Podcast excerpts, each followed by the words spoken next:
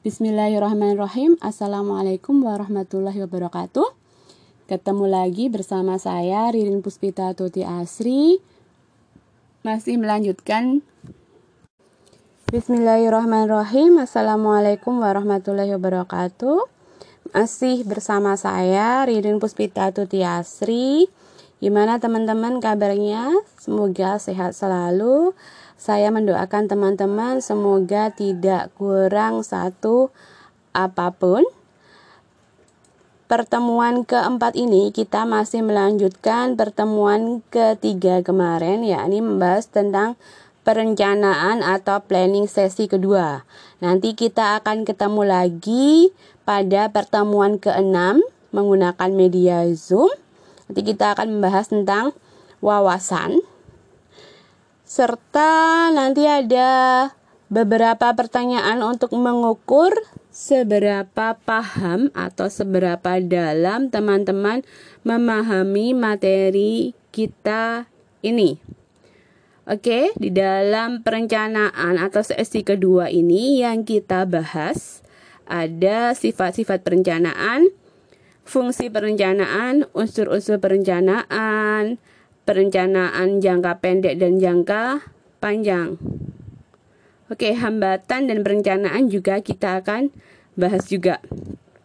Masuk ke dalam materi sifat perencanaan, yakni sifat perencanaan itu ada lima, yakni yang pertama dirumuskan dengan kata-kata yang sederhana, yang kedua fleksibel atau luas, yang ketiga konsisten atau stabil, yang keempat seimbang, dan yang kelima lengkap.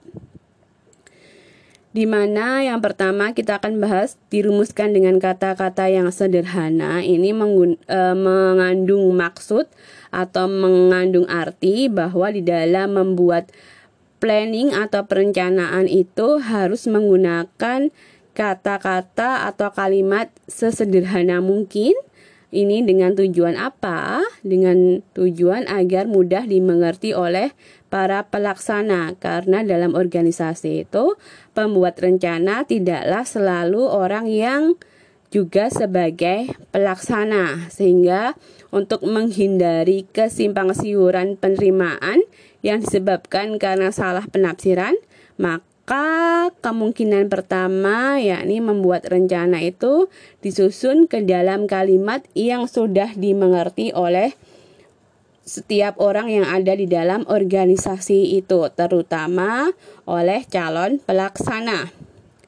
Yang kedua, fleksibel atau luas, di mana suatu rencana itu harus luas dengan artian harus dapat disesuaikan dengan keadaan yang sering berubah dan tidak disangka sebelumnya.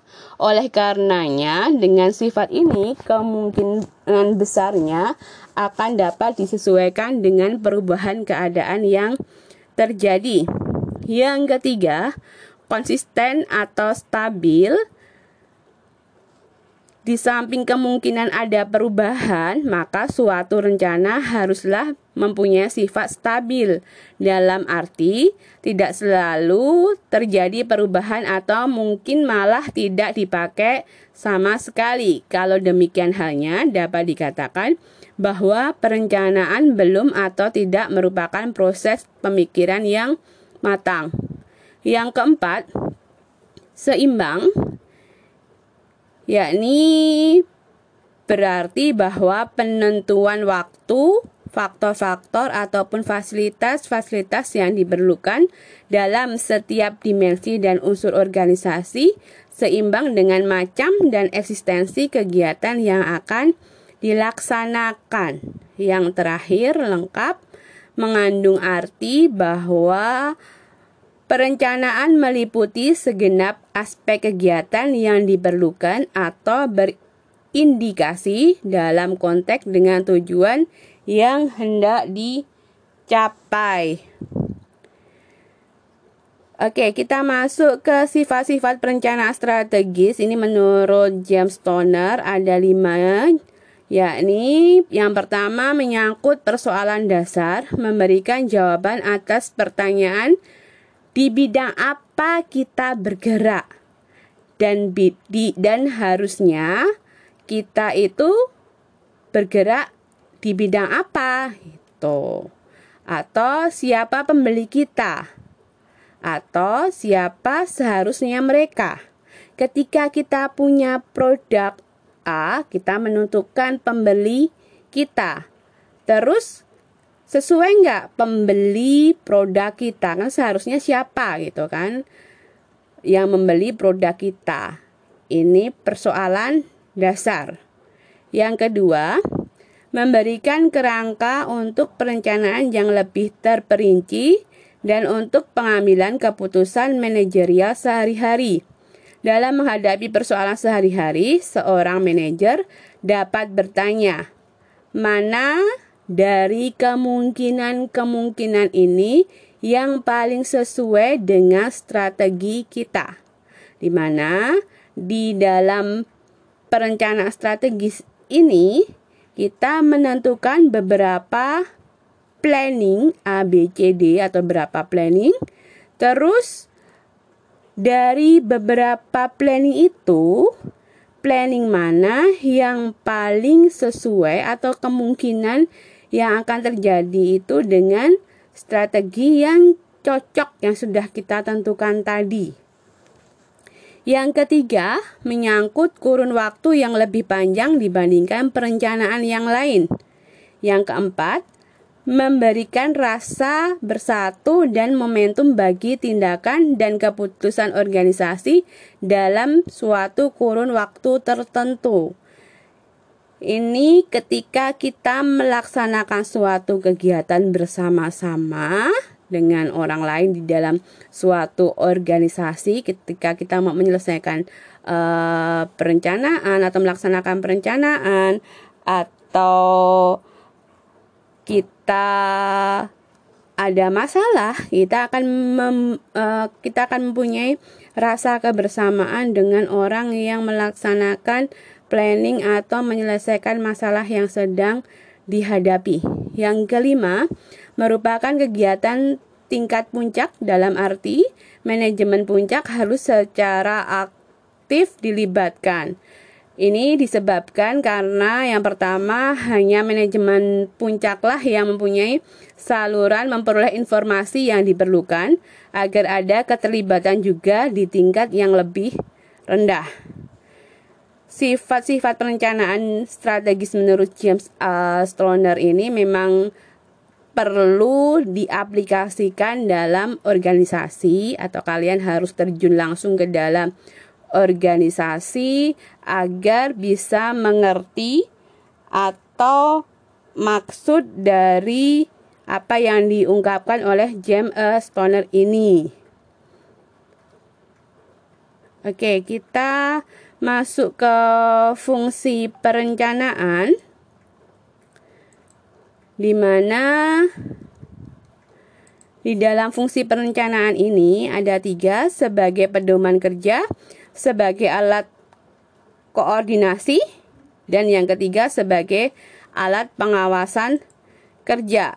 Yang pertama, sebagai pedoman kerja, perencanaan memiliki fungsi sebagai pedoman kerja yaitu perencanaan menjadi pegangan sekaligus petunjuk bagi semua yang diikutsertakan di dalam perencanaan bagaimana semestinya. Pekerjaan yang dimaksud dalam perencanaan dikerjakan serta benar untuk mencapai tujuan yang sudah ditentukan. Yang kedua, sebagai alat koordinasi, koordinasi yang dimaksud dalam hal ini ialah penguasaan sekaligus pengarahan oleh atasan kepada bawahan. Perencanaan bisa digunakan oleh seseorang pemimpin sebagai alat untuk mengkoordinasi bawahannya dalam rangka untuk pencapaian tujuan yang telah ditentukan. Yang ketiga, sebagai alat pengawasan kerja, perencanaan sebagai pengawa pengawasan kerja dalam hal ini perencanaan bisa dijadikan sebagai patokan bagi mereka yang ditugasi sebagai pengawas untuk memeriksa para pekerja yang dilibatkan dalam perencanaan apakah mereka semua bekerja sesuai dengan ketentuan yang sudah dibuat dalam perencanaan untuk mencapai tujuan. Ada sebagai kontrolnya ya, ini yang ketiga. Fungsi perencanaan ini uh, bisa bermakna juga. Yang pertama, suatu perencanaan yang baik akan bisa mendorong tercapainya tujuan dari organisasi. Contohnya, seperti tercapainya laba yang diinginkan atau menurunnya biaya yang dikeluarkan oleh organisasi. Karena pada prinsip ekonomi, dengan modal yang seminimal mungkin untuk mendapatkan hasil yang maksimal. Yang kedua, untuk menghadapi dan meminimalisir dampak yang ditimbulkan dari ketidakpastian di masa yang akan datang. Yang ketiga, untuk mengarahkan dalam pelaksanaan berbagai kegiatan supaya lebih tertib dan teratur menuju tujuan yang sudah ditentukan sebelumnya. Yang keempat, untuk menentukan dan memilih prioritas dari beberapa macam alternatif atau pilihan yang ada. Yang kelima, sebagai alat yang digunakan untuk melakukan pengawasan dan pengendalian terhadap pelaksanaan kegiatan. Oke, itu fungsi perencanaan. Pada dasarnya, fungsi perencanaan itu adalah untuk membantu proses pengambilan keputusan terbaik yang sesuai dengan tujuan organisasi. Sehingga pada pelaksanaannya proses perencanaan yang dilakukan seseorang manaj seorang manajer itu harus bisa menjawab pertanyaan 5W dan 1H. Masih sama ya kalau seperti membuat berita ya. Yakni uh, di dalam unsur 5W1H itu harus terpenuhi dalam dasar-dasar manajemen atau waktu planning ini juga harus terpenuhi. Yakni what? Apa tujuan yang ingin dicapai organisasi? Why? Mengapa hal tersebut menjadi tujuan organisasi? Where? Di mana lokasi yang paling tepat untuk mencapai tujuan tersebut? When? Kapan pekerja kapan pekerjaan harus diselesaikan agar tujuan tercapai. Ini berhubungan dengan jadwal kegiatan ya. Wo, siapa orang-orang yang tepat yang harus dipilih untuk melaksanakan pekerjaan sehubungan dengan tujuan organisasi? Ho, Bagaimana metode atau cara melaksanakan pekerjaan dalam upaya pencapaian tujuan organisasi? Intinya, perencanaan itu berfungsi untuk mencapai efektivitas dan efisiensi dalam kegiatan organisasi. Dengan begitu, maka dapat dilakukan upaya mengidentifikasi berbagai hambatan, melakukan koreksi terhadap penyimpanan penyimpangan segera mungkin sehingga organisasi dapat dikendalikan dengan baik. Ini ya fungsi dari perencanaan